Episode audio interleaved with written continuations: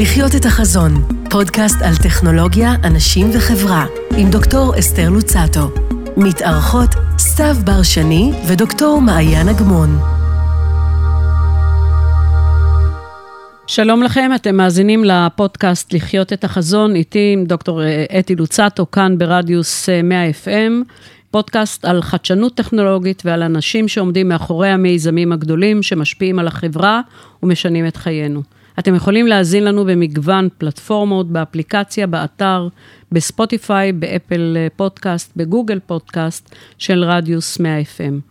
ובפרק הזה אה, נמצאות איתי הפעם שתיים. אה, האחת זה דוקטור מעיין אגמון, שמאמינה בחשיבותה של מחקר אקדמי אה, והוראה להנעת שינויים חברתיים, אה, אבל את תרחיבי תכף, הרבה יותר, וסתיו בר שני, שאת דירקטורית שותפה ומרצה במרכז קיימא, מרכז הכשרה חוץ-אקדמי לחדשנות חברתית וליזמות אימפקט באוניברסיטת חיפה. אז אחרי הפתיח הארוך הזה, אה, אני רוצה לשמוע ככה, לפחות אה, ת, תסבירו לי ולמאזינים אה, קצת הרבה יותר. אז אולי תתחילי באמת, מעיין. אני אתחיל ואני אסביר על מרכז קיימא. שבאמת, כמו שהופתעת שיש פה איזה גוף עם שני ראשים, אז סתיו ואני הקמנו את מרכז קיימא בקיץ האחרון. את בתמיכה, חברת סגל באוניברסיטת חיפה? אני חברת סגל באוניברסיטת חיפה, אני חברת סגל בפקולטה למדעי הרווחה והבריאות, ורוב המשרה שלי היא בעצם משרת מחקר אקדמית, יש לי מעבדה עם דוקטורנטים, אסטרנטים, אני מלמדת בחוג לסיעוד, במקור אני פיזיותרפיסטית, וכל השנים שלי באוניברסיטת חיפה, אה, היה לי מאוד מאוד חשוב לראות את החיבור בין האקדמיה לבין הקהילה, בין מחקר שלפעמים הוא מאוד מאוד מעבדתי, אה, לבין החיים האמיתיים. ולהרגיש שאני גם עושה איזשהו אימפקט בחיים האמיתיים. אמ, הייתי מעורבת בהרבה מאוד מיזמים מחוץ לאוניברסיטה, ובשנה האחרונה, כחלק מהיותי חברה בוועדה לחדשנות ויזמות באוניברסיטת חיפה, יחד עם סתיו העברנו קורס בחדשנות חברתית ויזמות אימפקט, שהיה קורס מאוד מאוד מיוחד, כי הוא שילב סטודנטים מהאוניברסיטה ואנשים מהקהילה. כחלק מתפיסה שמגדל השן צריך לחבור עם הקהילה. אנשים מהקהילה, למה הכוונה? הכוונה... נוער, אנשים מבוגרים? שאלה מעולה. אנשים שהם יזמים. או שותפים במיזמים. היו לנו אה, אנשים שהקימו חברות אה, הייטק, שבעצם סטארט-אפים שהאמינו שהם עושים אימפקט אה, משמעותי על העולם, ברוח ה-SDGs, ה-Sustainable Development Developmental Goals של האו"ם. היו לנו אנשים שהם בעמותות, היו לנו אנשים שהם בארגונים ממשלתיים. זאת אומרת, אנשים שכבר מאמינים בתפיסה שלהם את עצמם והתחברו גם אלינו ברעיונות שעשינו, שהם עושים כבר איזשהו אימפקט חברתי. עכשיו, זה היה קורס, למיטב ידיעתנו, אין עוד קורסים כאלה שמשלבים סטודנטים מהאוניברסיטה וסטודנטים אה, מחוץ לאוניברסיטה שלומדים ביחד, שהקורס שילב גם תיאוריה וגם פרקטיקה. אם הנחתום יכול להעיד על עיסתו, אז הקורס היה מאוד מאוד מאוד מוצלח. באותו זמן, כמו כל שינוי היסטורי שקורה, התמנה רקטור חדש לאוניברסיטת חיפה, פרופסור גורל רועי, שמאוד מאוד מאמין בחשיבות של האקדמיה כמחוללת שינוי חברתי, כמובילת שינוי חברתי.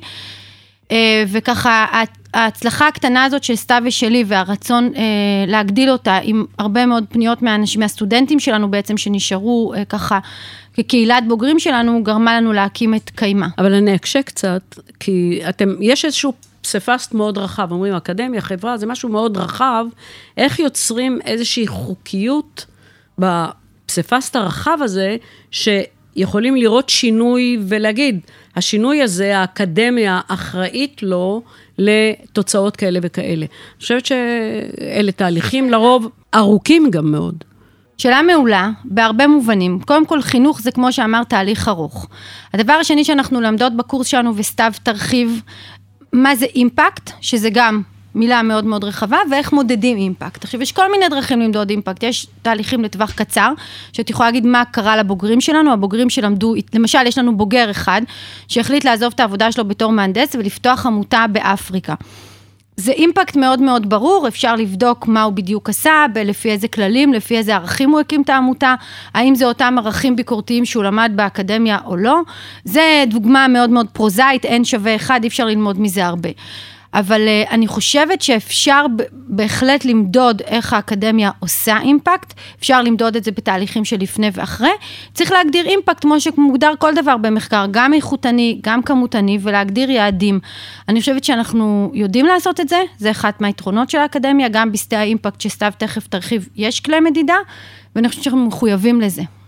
אולי נשמע קצת באמת על העניין הזה של האימפקט, מה, מה, מה המשמעות ומה המספרים. אז אני רוצה להתחבר לשאלה שלך על האקדמיה, דווקא ממקום של מישהי שהיא לא אקדמאית. אני, אמרנו שלמרכז יש שני ראשים, המרכז היותר תיאורטי, והראש היותר תיאורטי, והראש היותר הפרקטי, אז לצורך הזה אני מייצגת היותר הפרקטי. הקריירה שלי התחילה במגזר החברתי, אחר כך עבדתי כמה שנים בהייטק, ולמדתי בכלל מנהל ציבורי בלונדון. אה, ושדווקא חזרתי לארץ לפני שלוש שנים, אה, את אומרת למה אקדמיה, הרגשתי שחסר ידע וכלים לאותם אנשים, שנראה לי אתם פונים אליהם בפודקאסט, שרוצים להביא אה, לעשות אימפקט חברתי, חברתי, רוצים לעשות, להוביל תהליכים, אבל לאו דווקא יודעים איך. והמקום הזה, המקום של האקדמיה, שיודעת איך ללמד, יודעת לדבק, אה, אה, להסתמך על מחקר, אני חושבת שזה מקום שיכול להיות ווין ווין. אמ, עכשיו, אימפקט היום נחשב שדה מאוד מאוד רחב, מילה שבינינו היא אה, לא אומרת יותר מדי. נכון. אנחנו מתכוונות, אה, כשאנחנו אומרות אימפקט אצלנו בקורס, אנחנו מתכוונות על שינוי חברתי או סביבתי משמעותי על קהילות גדולות. זאת אומרת, גם אם אני עכשיו... אה, אראה אותך אה, חלילה וחס תיפלי פה ברחוב ואני אבוא יעזור לך, אפשר להגיד עשיתי לך אימפקט, עזרתי לך לפני זה, היית על הרצפה ועכשיו קמת, משהו השתנה. זה לא האימפקט שאנחנו צריכים על הבעיות הכי הכי הכי מורכבות של המאה ה-21.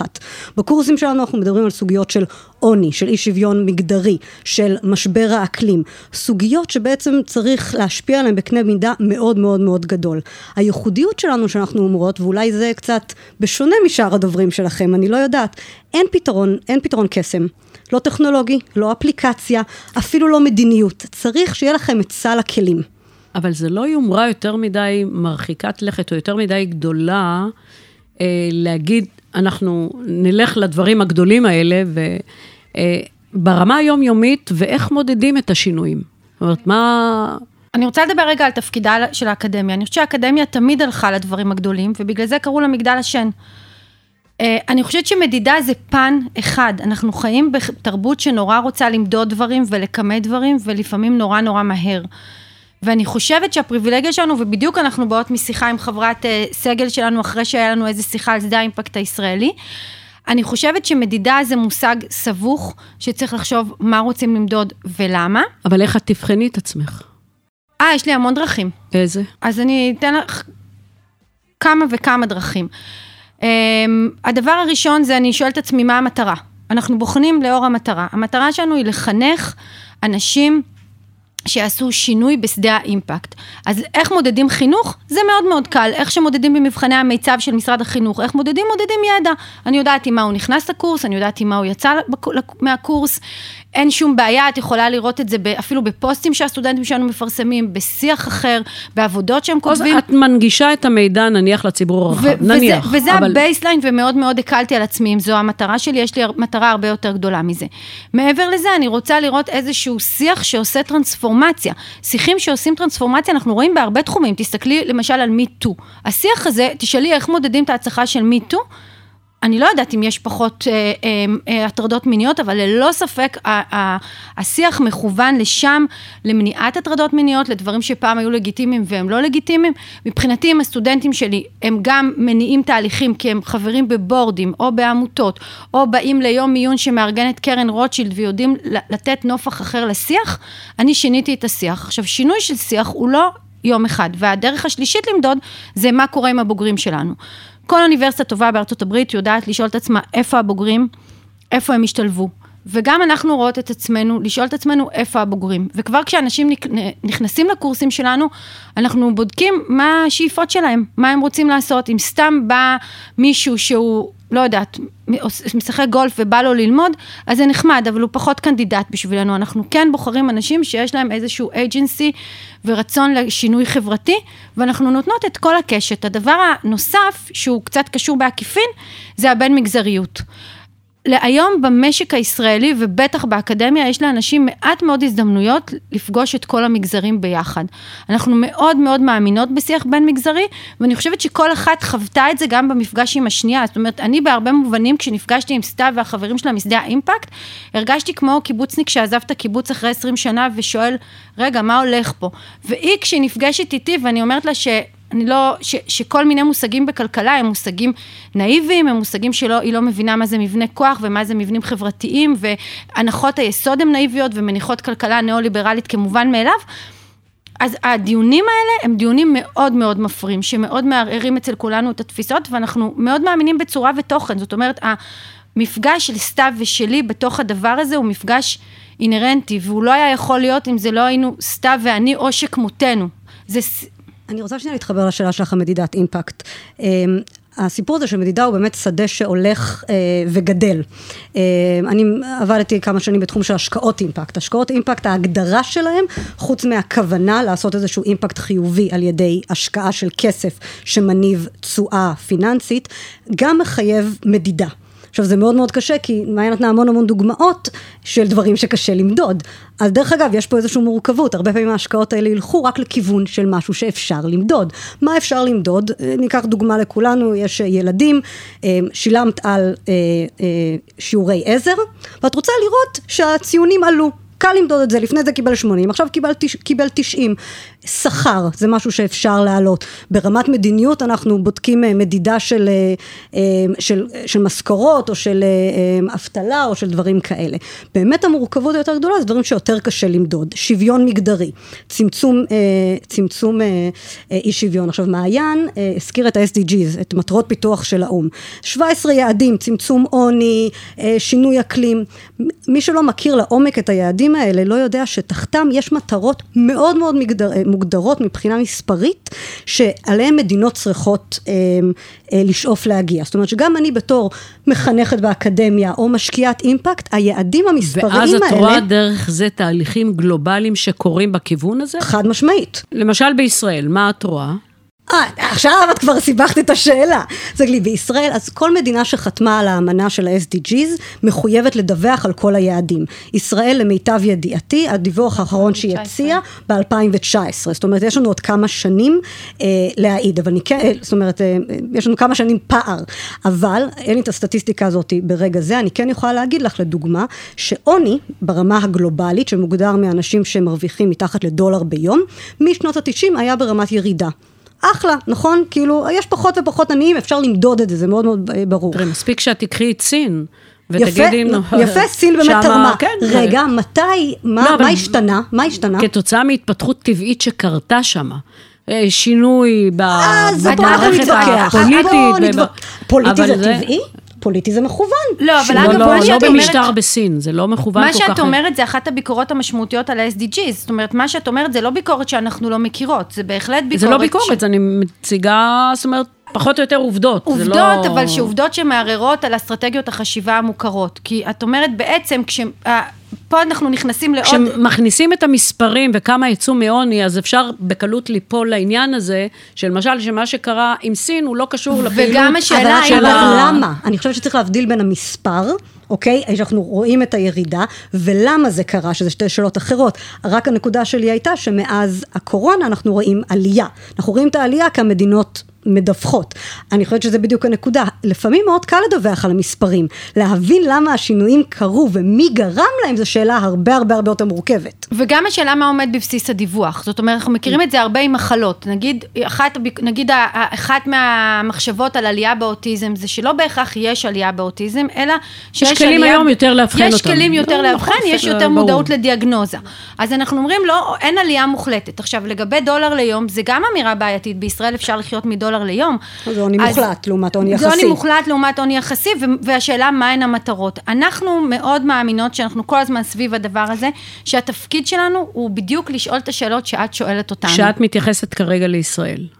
אני לא מתייחסת רק אגב, ל... לא, אבל אני... בוא, בוא נצטמצם כרגע לישראל, כי אוקיי. אני חושבת שיגזרו גם שאלות אחר כך מהסיפור הזה.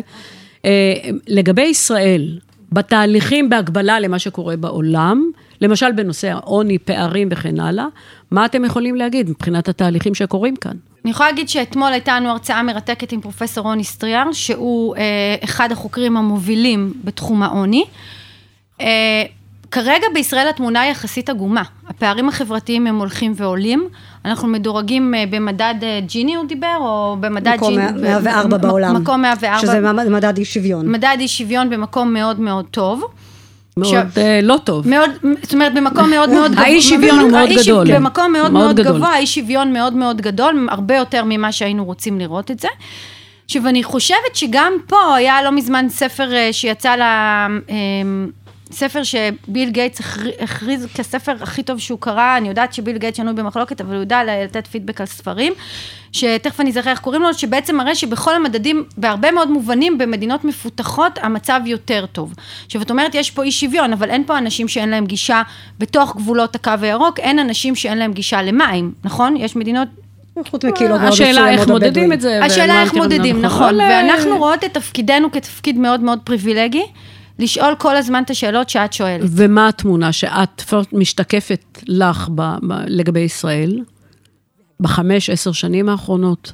אני רואה את הדברים קצת אחרת, אבל זה, זה מה שלמה אני אוהבת לעבוד עם מעיין, ככה רואות את הדברים קצת אחרת. אני חושבת שישראל היא מדינה של קיצוניות. יש כאן דברים, באמת האינדיקציות על האי שוויון הם, הם, הם אל- אה, to say the least, ומצד שני ישראל הפכה להיות תוך 20 שנה מדינה מאוד מאוד מאוד אה, עשירה, ואם מסתכלים גם על תהליך הפיתוח של ישראל מתחום של פיתוח, development, רואים שישראל היא אחת מהמדינות שעברה תהליכי פיתוח יותר מהירים. מה שאני חושבת שקורה בישראל זה שאנחנו שמים הרבה מהיהבים שלנו בתחומים של חדשנות וטכנולוגיה, ששם באמת, אה, זאת אומרת, פתרנו את בעיית המים שלנו בחדשנות. תראי, זה נכון, אני גם, אגב, באה מהעולם של החדשנות הטכנולוגית, בדיוק. אז אני מכירה את זה לאורך לרוחב, וגם בראייה של מה קרה בשלושה עשורים האחרונים, אז אין ספק שישראל, אה, תודות לתעשייה הטכנולוגית, זה הביא אותה למצב כלכלי מאוד חזק יחסית וכן הלאה. מצד שני, זה הגדיל פערים חברתיים, בדיוק. כיוון שההצלחה בעצם, המטאורית הזאת של תעשיית ההייטק, אה, משקפת חוסר הצלחה, או זה מגדיל את הפערים אה, בצורה מאוד קיצונית. אבל, ויש פה אבל מעודד, האבל המעודד הזה, שרק מדינה שהיא חזקה כלכלית, תהיה מסוגלת לטפל באוכלוסייה היותר חלשה.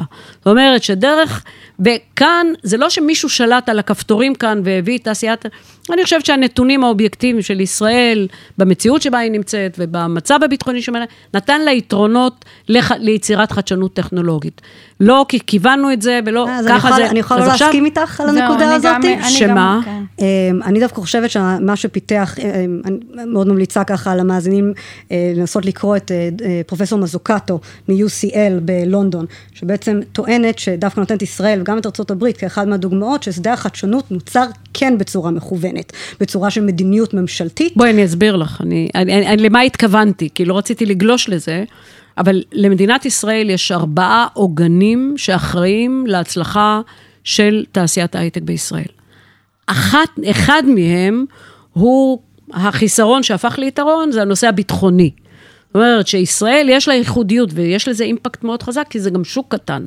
בסופו של דבר זו מדינה מאוד קטנה, שהמדינה, כתוצאה מצרכים ביטחוניים, משקיעה הרבה מאוד משאבים.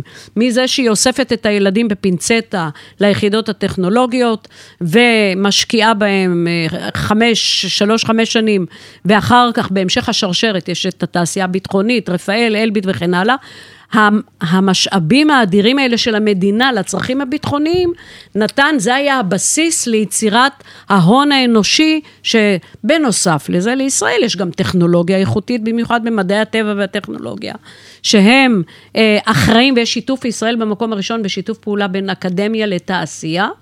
וגם כסף פרטי שזיהה פה, שיש, וחברות רב-לאומיות. אז ההצלחה של ישראל היא לא מקרית. נכון שהיא הייתה מכוונת מטעם נניח משרד לחדשנות, אבל זה לא היה עוזר אם לא היו ארבעת העוגנים האלה. זה בול מה אז- שדרך אגב אנחנו אומרות בקורסים אז- שלנו. אוקיי, הגם אז- וגם וגם הזה נכון, כדי ליצור אז, תשתית. אז אבל לא, לא רציתי לגלוש לזה, אבל נוצרה פה תעשייה מאוד מבוססת, שנותנת חוסן מאוד גדול למדינת ישראל כלכלית, והיא יכולה לאפשר לה לטפל כמדינה חזקה כלכלית באוכלוסייה החלשה שלה. זה אני, הפואנטה. אני קצת מתוסכלת, האמת, מזה שהדיון שלנו שוב גלש להייטק, בגלל שמדברים על הוא חדשנות. לא גלש להייטק, הוא רק אה, נתן... הוא עשה- את ה- הדגים. הוא אני- לא אז- הדגים, כמו שהוא אמר, יש את לישראל את היכולת הכלכלית זה נכון. לטפל בעניין ה... מצוין. אמרת מה את זה, אמרת, וזה נקודת המוצא שלנו, ועכשיו נכון. צריך להחליט האם ישראל רוצה ובאיזה אופן היא רוצה. עכשיו, אנחנו מאוד מאוד מקדשים את ההייטק, ומאוד מקדשים את כל היחידות, ושהילדים שילכו כולם ליחידות. אני חושבת שאנחנו בזמן הזה מזניחים פה דברים מאוד... אני מקבלת לחלוטין את מה שאת אומרת. אה, אני בין המבקרים הכי גדולים, אני גם יושב ראש הוועד המנהל של עמותת יחדיו מקרן רש"י. של אחת העמותות הגדולות שנמצאות, שפעילה בכל, אה, מקריית מלאכי עד אילת, אה, אז אני מכירה את העולמות האלה היטב, את העולם של האוכלוסייה החלשה. אז אני גם, ואני באה מעולם ההייטק, ואני חושבת שיש פה את ההזדמנות, אם תהיה הנהגה שתדע לנ- להנהיג את הסיטואציה הזאת, להוביל את הסיטואציה הזאת, ולתת תוצאה יותר טובה. אז אני שאני- חושבת שחלק מהעניין זה גם אנחנו, מעבר להנהגה, השטח שיצמיח למעלה קולות אחרים. אני חושבת שהקול הדומיננטי היום זה שכל אחד רוצה לעבוד בהייטק, וזה קול מאוד מובן, כי המשכורות שם הן באמת לא דומות לשום דבר. אבל אני חושבת שצריך לראות מה הזנחנו, וזה אגב מקומה של האקדמיה. אז אני אוסיף עוד משהו. אני חושבת, גם האקדמיה, אבל חברה צריכה להיבנות על ערכים. או, וערכים חסרים. אני מסכימה איתך, את צריכה לבוא אלינו לקיימה, כן. בגלל שזה הדבר הראשון שאנחנו אומרות, וזה הדבר הראשון שמיסדנו את קיימה. אמרנו, וכשגם התחברנו, אני, סתיו ואני, הדבר הראשון שאמרתי, אם את הולכת ללמד אותנו יזמות הייטק, אימפקט, שמימפקט, בלי לדבר על צדק חברתי, אנחנו לא עובדות ביחד. וזה לא סותר, זה לא סותר. ברור שלא. לא, זה, זה, בשיח זה לא הפופולרי חייב- זה סותר, אבל זה לא מובנה. זה לא חייב להיות ההפך, את סותר. צריכה לבוא מתוך החוזקות ולהגיד, יש לנו תפקיד בחברה, אני חושבת שהמובילים בחברה צריכים לבוא ולהגיד, יש ערכים לחברה שלנו, לחברה בישראל, שאחד מהם, הבולטים, זה א', לצמצם פערים וטיפול באוכלוסייה החלשה. אז אנחנו אומרות את זה up front, ואנחנו גם אומרות את זה אפרופו אימפקט. כל מי שבא לעשות אימפקט, שלא יתבייש בעמוד השדרה שלו, ויגיד, אני הולך לעשות כזה אימפקט. וה... ומאוד יכול להיות, בדיוק אנחנו סיימנו שיחה על זה, שזה יבוא על חשבון הצלחה כלכלית. יכול להיות שאני בתור חברה... זה לא בהכרח צריך זה לא להיות. צריך, אבל זה יכול להיות. עצם זה צריך שישבנו... לנהל חכם. צריך לדעת לנהל את זה, צריך לדעת להבין את ה trade-off ים. אבל אני חושבת שהשיח שתמיד אומרים תצמ... תצמצם אי שוויון מגדרי, זה ישפיע לך על הרווח. יכול להיות שבטווח הארוך כן, ויכול להיות שבטווח הקצר לא. עדיין יש לנו מחויבות כן, לצמצם ברור. אי שוויון מגדרי. אבל אני רואה- עדיין... אני רוצה, אני רוצה להראות שדווקא עשינו כאן תהליך יפה בשיחה. כי את התחלת לשאול אותנו מדידה. ואחד הדברים שאנחנו אומרים בקורסים שלנו זה מדידה זה הסוף. ת, תכירו את עצמך, אגב ערכים, מה את רוצה להשיג, בסוף תמדדי, תראי אם הצלחת ומה יכולה ללמוד מזה. מדידה זה גם מעקב אחרי תהליכים. בדיוק, אבל את צריכה אה, לדעת זה- את התהליך ואיפה את נכון, רוצה... את צריכה להגדיר ואת- אותו. בדיוק, את צריכה צריכה, לדעת כן. שזה מאוד, עכשיו זה, זה מאוד אה, שיח שגם בדיוק עכשיו ניהלנו של המהות למול הכלים. אם אנחנו נדע מה הבעיות, מה הערכים שמנחים אותנו, נוכל להבין מה הכלים הכי נכונים. עכשיו, אה, ה-SDGs, דיברנו על ביקורת, הרבה פעמים זה גם, נחשב איזה מושג של כולם מתחברים ל-SDG, זה לא פוליטי, זה לא צדק חברתי. אז אנחנו אומרים לסטודנטים לצורך העניין, no poverty, מטרה מספר אחת, נכון? אוקיי, איפה יש בסביבת ישראל את העוני הכי הכי הכי קיצוני? כל המדינות שסובבות אותנו. יפה. ואיפה הכי? ברשות? אני לא חושבת. בעזה. לא, עזה לא. אחד המקומות הכי אני עניים. חושבת שהתוצר לנפש שם הוא דומה לזה שהיום בסוריה אבל זה יכול להיות תלוי ובמצרים וכן הלאה. אבל זה יכול להיות תלוי זה- בפערים אז- חברתיים. אז זה לא, רגע. זה כמו בסביבה. ככה או ככה, ככה כמו או כל ככה, המדינות שסובבות ה- אותנו. אה, בתור אה, הנהגה, שאת דיברת, או בתור אינדיבידואלים או חברה שאנחנו דיברנו, ההחלטה אם ללכת לפעול שם, היא החלטה פוליטית. אחר כך אפשר לדבר על כלים ואפשר לדבר על מדידה, אבל אני היא חושבת פוליטית. שחכם לא להיכנס לשדה מוקשים, ואני חושבת ש... זאת אומרת, כי אז את מערבבת פוליטיקה עם משהו שלא צריך לערב, וכדאי לנטרל את זה. פוליטיקה, אני חושבת שהבעיות העוני בחברה הישראלית הן מספיקות כדי לטפל בהן ולהתרכז, וכולנו נסכים אבל עם אני זה. גם חושבת, בתוך אגב, שהשיח הזה. בפני עצמו הוא חשוב.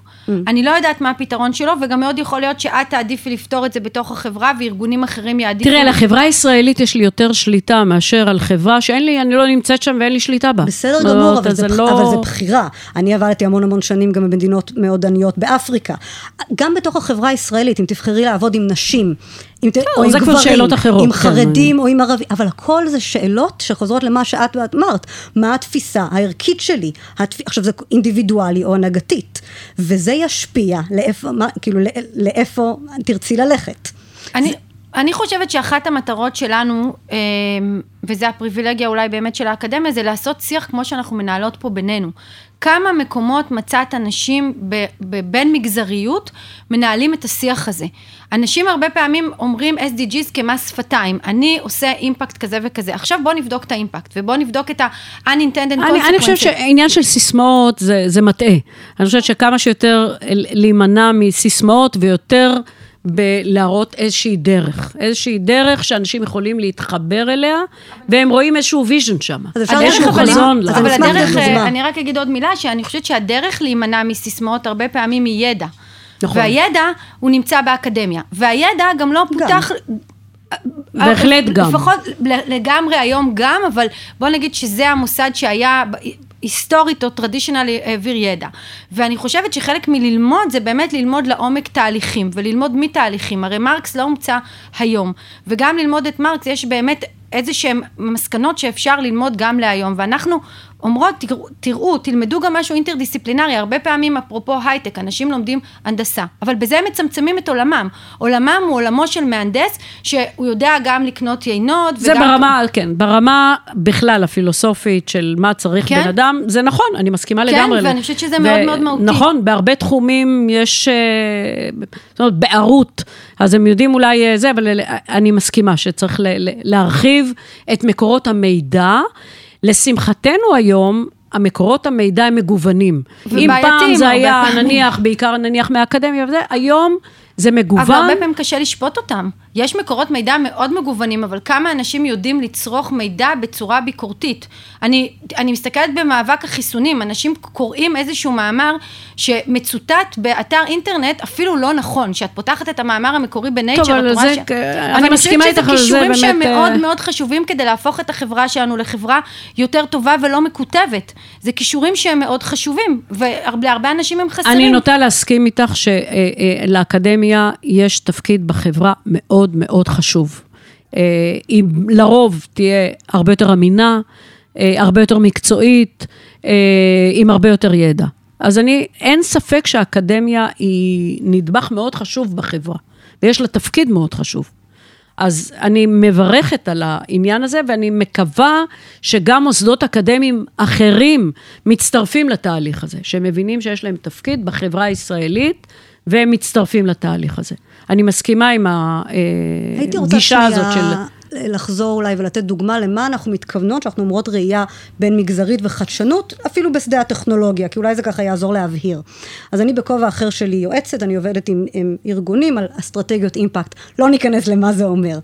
אמ, ובואו ניקח סוגיה, אמ, סוגיה של ארגון שעבדתי איתו, שהמטרה שלו היה אמ, בעצם להעלות את מספר המועסקים מהחברה הערבית בהייטק, בתור מה שאת אמרת, אה, בעצם דרך להעצמה כלכלית. אחד מהתרגילים שאנחנו עושים בקורס זה בוא נסתכל על אותה מטרה מזוויות של מגזרים שונים. אם אני הולכת למגזר ההייטק ואני אומרת לו, תעסיקו עוד עובדים ערבים, מה הוא אומר שהבעיה? מה, מה ההייטק היום, מה הבעיה הכי הכי גדולה? אם יש להם באמת את הכלים לעשות את זה. אם כן, אז אני חושבת שההייטק אה, פתוח הכאב יותר. הגדול היום של ההייטק זה עובדים איכותיים. קשה כן. מאוד מאוד לגייס עובדים. מה הוא רוצה? הוא רוצה עובדים, זה ההסתכלות שלו. נכון. אם אני הולכת לממשלה, ואני אומר, ואני ככה מתחילה לדבר איתם על זה, מה הכאב שלהם? אלימות בחברה הערבית, תשלומי הנור- אה, ארנונה, אה, פיתוח כלכלי, זה ההסתכלות של, ה, של המדינה על הסוגיה הזאת. אם אני הולכת להרבה עמותות, למגזר החברתי בשדה, ואני שואלת אותם, אתם עוסקים בנושא הזה, למה אתם עוסקים? אומרים לי, דו-קיום, חברה משותפת.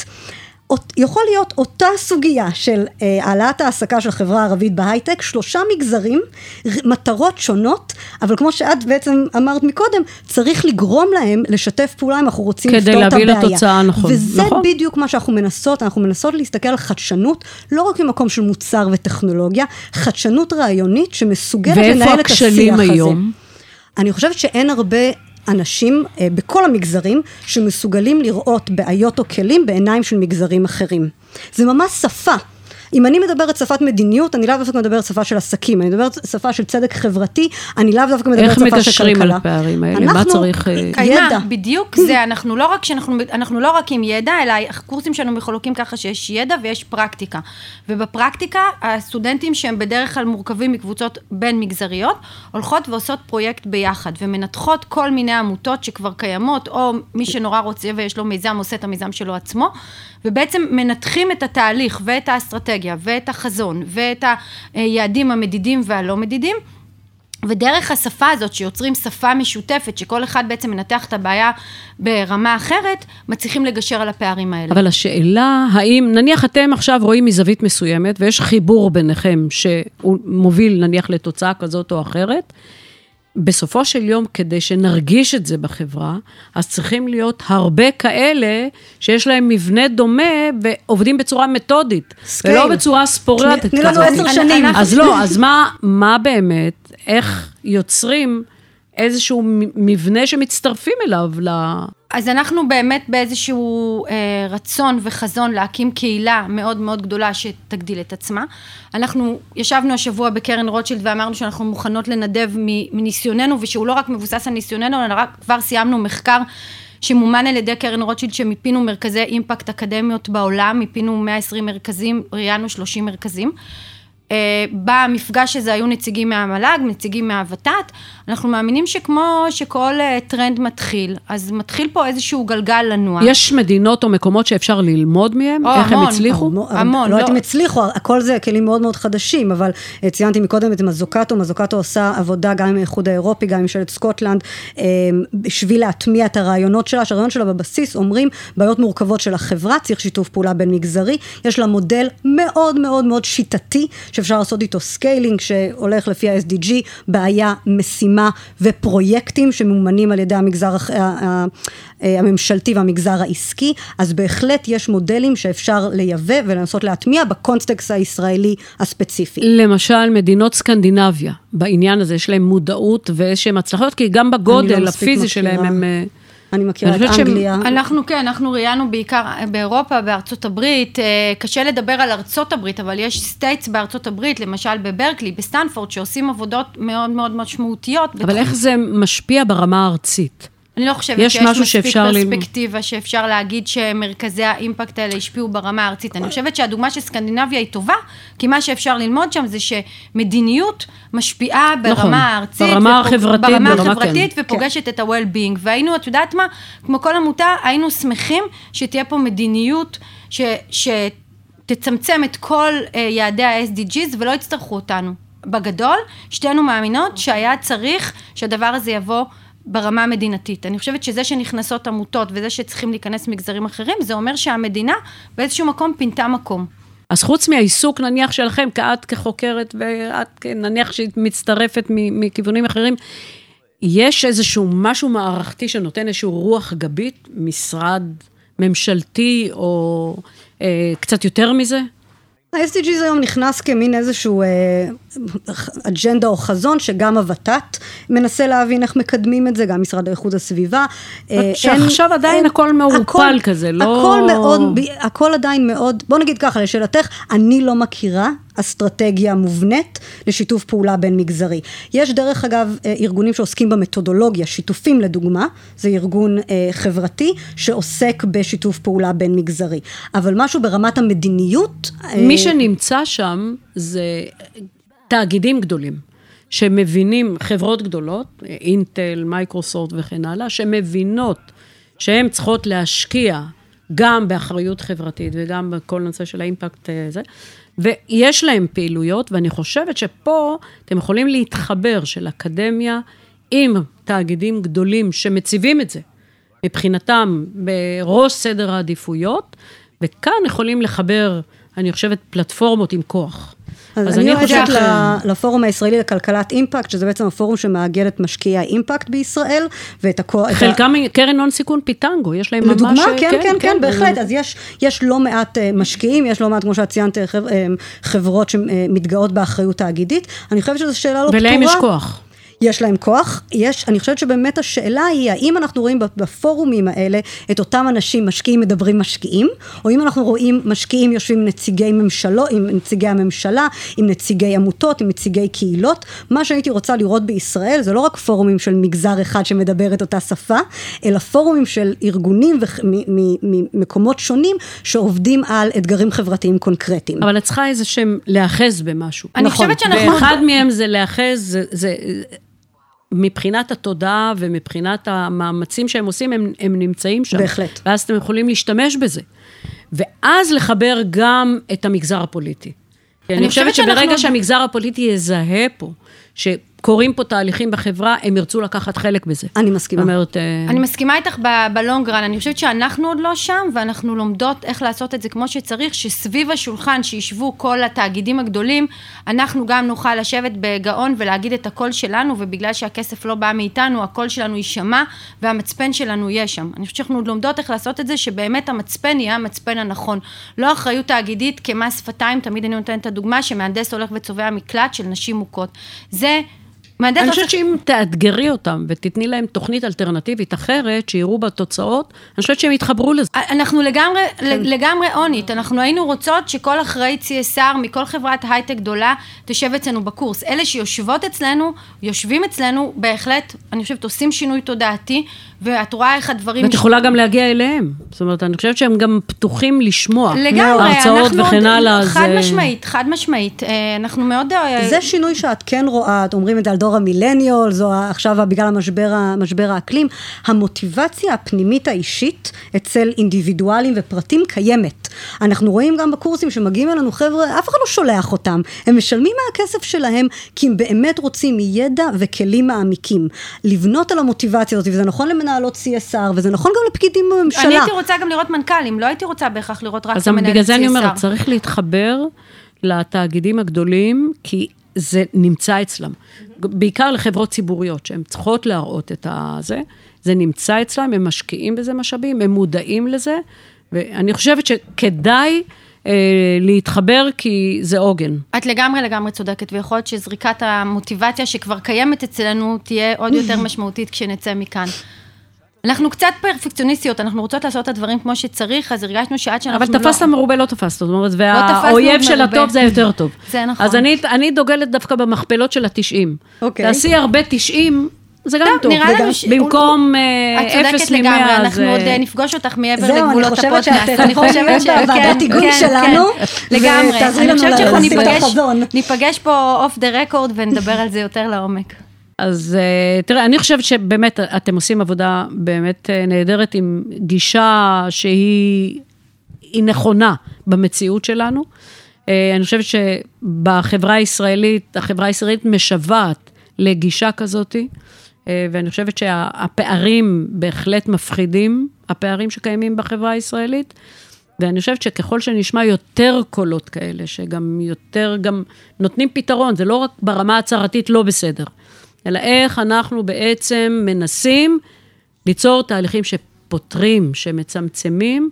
אה, אז אני חושבת שזה זה ייפול על, לא על אוזניים ערלות, זה ייפול על אוזניים קשובות. זאת אומרת שהרבה בחברה הישראלית כן מרגישים שיש בעיות אמיתיות ואנחנו צריכים לרפא אותן. אז אני חושבת שאתם עושים עבודה באמת יוצאת מן הכלל, אה, ועם הרבה פשן, זאת אומרת, הרבה ככה להט מבחן ההוכחה וכן עלינו, הלאה. התחלנו לדבר כן, על מדידה, בואו כן, נדבר עוד אז- שנה. אבל אני תודה. חושבת שצריך אה, ככה לראות את החזון ולחלום. אני חושבת שאפשר להשיג את זה. את מצטרפת אלינו? תבואי ללמד אצלנו, נראה לי ש... אה, אנחנו נדבר על זה יותר מאוחר, אני גם... אבל כל דבר שאני אוכל לעזור, בשמחה, בוודאי. כבר התחלת, אה, אני חושבת. שכבר התחלת לעזור. גם פתחת לנו את הראש עם שאלות נוספות שאומנם חשבנו עליהן, אבל בהחלט נתנו זריקה. וגם זה שהזמנת אותנו לכאן, זה בהחלט אה, ראוי ומוערך. אז אה, אוקיי, רק התחלנו בעצם, אז אנחנו... תודה רבה, באמת, לשתיכן הקסמתם. ולכם, המאזינים, שהאזנתם לנו, מוזמנים להאזין לפרקים הנוספים של לחיות את החזון במגוון הפלטפורמות, באפליקציה, באתר, בספוטיפיי, באפל פודקאסט, בגוגל פודקאסט של רדיוס 100 FM. תעקבו אחרי הפייסבוק והאינסטגרם של רדיוס 100 FM, ותהיו הראשונים לדעת כשעולה פרק חדש. תודה לצוות שלנו. אני דוקטור אתי לוצטו, נשתמע בפרק הבא של לחיות את החזון.